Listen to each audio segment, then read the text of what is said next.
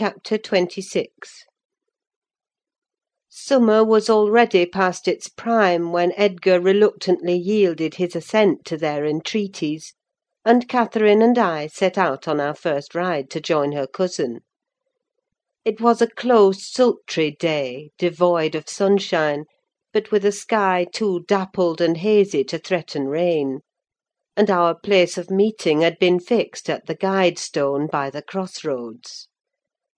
On arriving there, however, a little herd boy, despatched as a messenger, told us that "Maister Linton wur just o' this side o' th' Heights, and he'd be mitch obleeged to us to gang on a bit further." "Then Master Linton has forgot the first injunction of his uncle," I observed. "He bid us keep on the Grange land, and here we are off at once." "Well, we'll turn our horses' heads round when we reach him," answered my companion. "Our excursion shall lie towards home." But when we reached him, and that was scarcely a quarter of a mile from his own door, we found he had no horse, and we were forced to dismount and leave ours to graze. He lay on the heath, awaiting our approach, and did not rise till we came within a few yards. Then he walked so feebly, and looked so pale, that I immediately exclaimed, "Why, Master Heathcliff, you are not fit for enjoying a ramble this morning! How ill you do look!" Catherine surveyed him with grief and astonishment: she changed the ejaculation of joy on her lips to one of alarm, and the congratulation on their long postponed meeting to an anxious inquiry whether he were worse than usual. "No, better, better!" he panted, trembling, and retaining her hand as if he needed its support, while his large blue eyes wandered timidly over her, the hollowness round them transforming to haggard wildness the languid expression they once possessed. "But you have been worse," persisted his cousin: "worse than when I saw you last. You are thinner, and—" "I'm tired," he interrupted, hurriedly. "It's too hot for walking: let us rest here. And in the morning I often feel sick. Papa says I grow so fast." Badly satisfied, Cathy sat down, and he reclined beside her. "This is something like your paradise," said she, making an effort at cheerfulness. "You recollect the two days we agreed to spend in the place and way each thought pleasantest? This is nearly yours, only there are clouds; but then they are so soft and mellow, it's nicer than sunshine. Next week, if you can, we'll ride down to the Grange park and try mine." Linton did not appear to remember what she talked of, and he had evidently great difficulty in sustaining any kind of conversation. His lack of interest in the subject she started, and his equal incapacity to contribute to her entertainment, was so obvious that she could not conceal her disappointment. An indefinite alteration had come over his whole person and manner.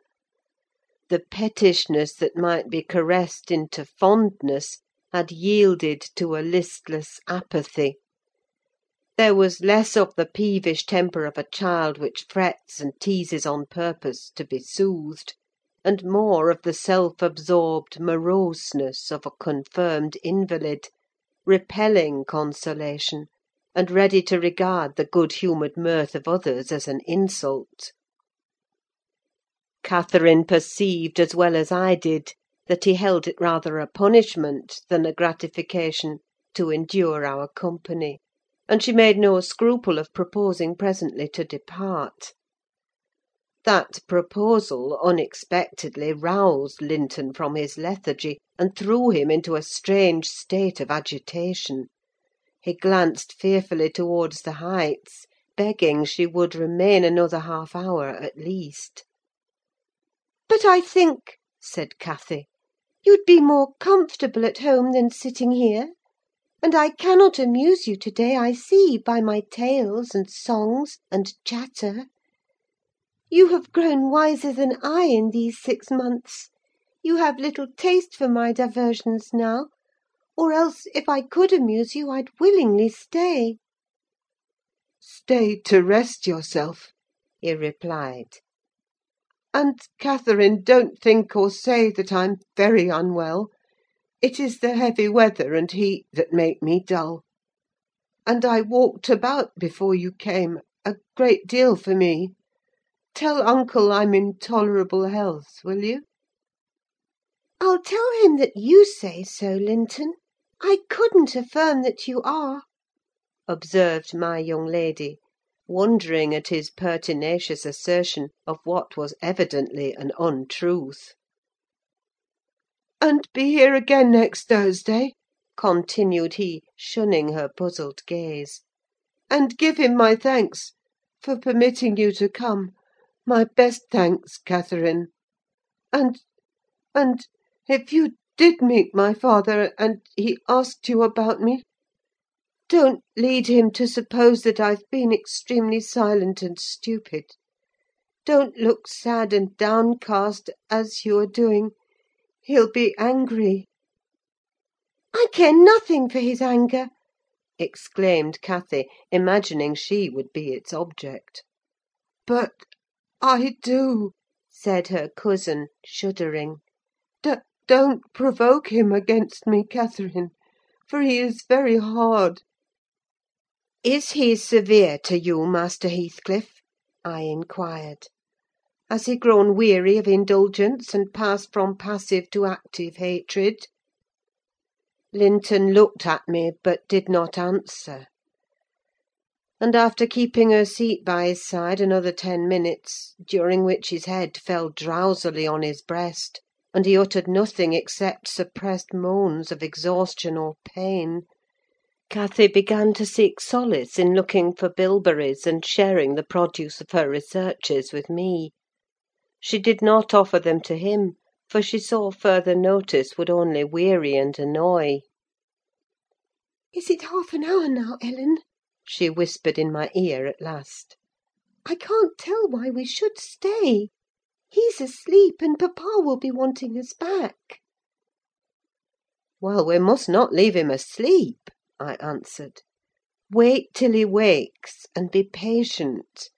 You were mighty eager to set off, but your longing to see poor Linton has soon evaporated." "Why did he wish to see me?" returned Catherine. "In his crossest humours formerly, I liked him better than I do in his present curious mood. It's just as if it were a task he was compelled to perform, this interview, for fear his father should scold him. But I'm hardly going to come to give Mr. Heathcliff pleasure, whatever reason he may have for ordering Linton to undergo this penance; and though I'm glad he's better in health, I'm sorry he's so much less pleasant, and so much less affectionate to me." "You think he is in better health, then?" I said. "Yes," she answered. Because he always made such a great deal of his sufferings, you know. He is not tolerably well, as he told me to tell papa, but he's better, very likely." "There you differ with me, Miss Cathy," I remarked. "I should conjecture him to be far worse." Linton here started from his slumber in bewildered terror, and asked if any one had called his name. "No!" said Catherine, "unless in dreams. I cannot conceive how you manage to doze out of doors in the morning." "I thought I heard my father," he gasped, glancing up to the frowning nab above us. "You're sure nobody spoke?" "Quite sure," replied his cousin. "Only Ellen and I were disputing concerning your health. Are you truly stronger, Linton, than when we separated in winter? If you be, I'm certain one thing is not stronger: your regard for me. Speak! Are you?" The tears gushed from Linton's eyes as he answered, Yes, yes, I am!" And, still under the spell of the imaginary voice, his gaze wandered up and down to detect its owner. Cathy rose.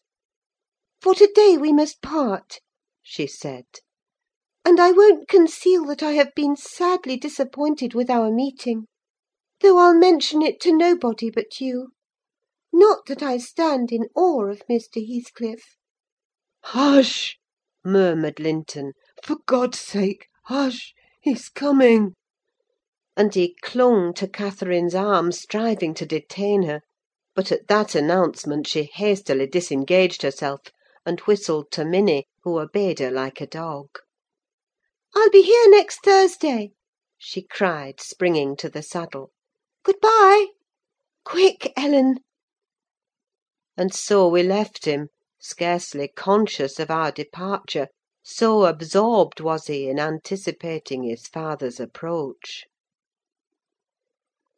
Before we reached home, Catherine's displeasure softened into a perplexed sensation of pity and regret, largely blended with vague, uneasy doubts about Linton's actual circumstances, physical and social, in which I partook, though I counselled her not to say much, for a second journey would make us better judges.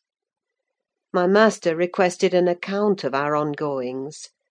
His nephew's offering of thanks was duly delivered, Miss Cathy gently touching on the rest.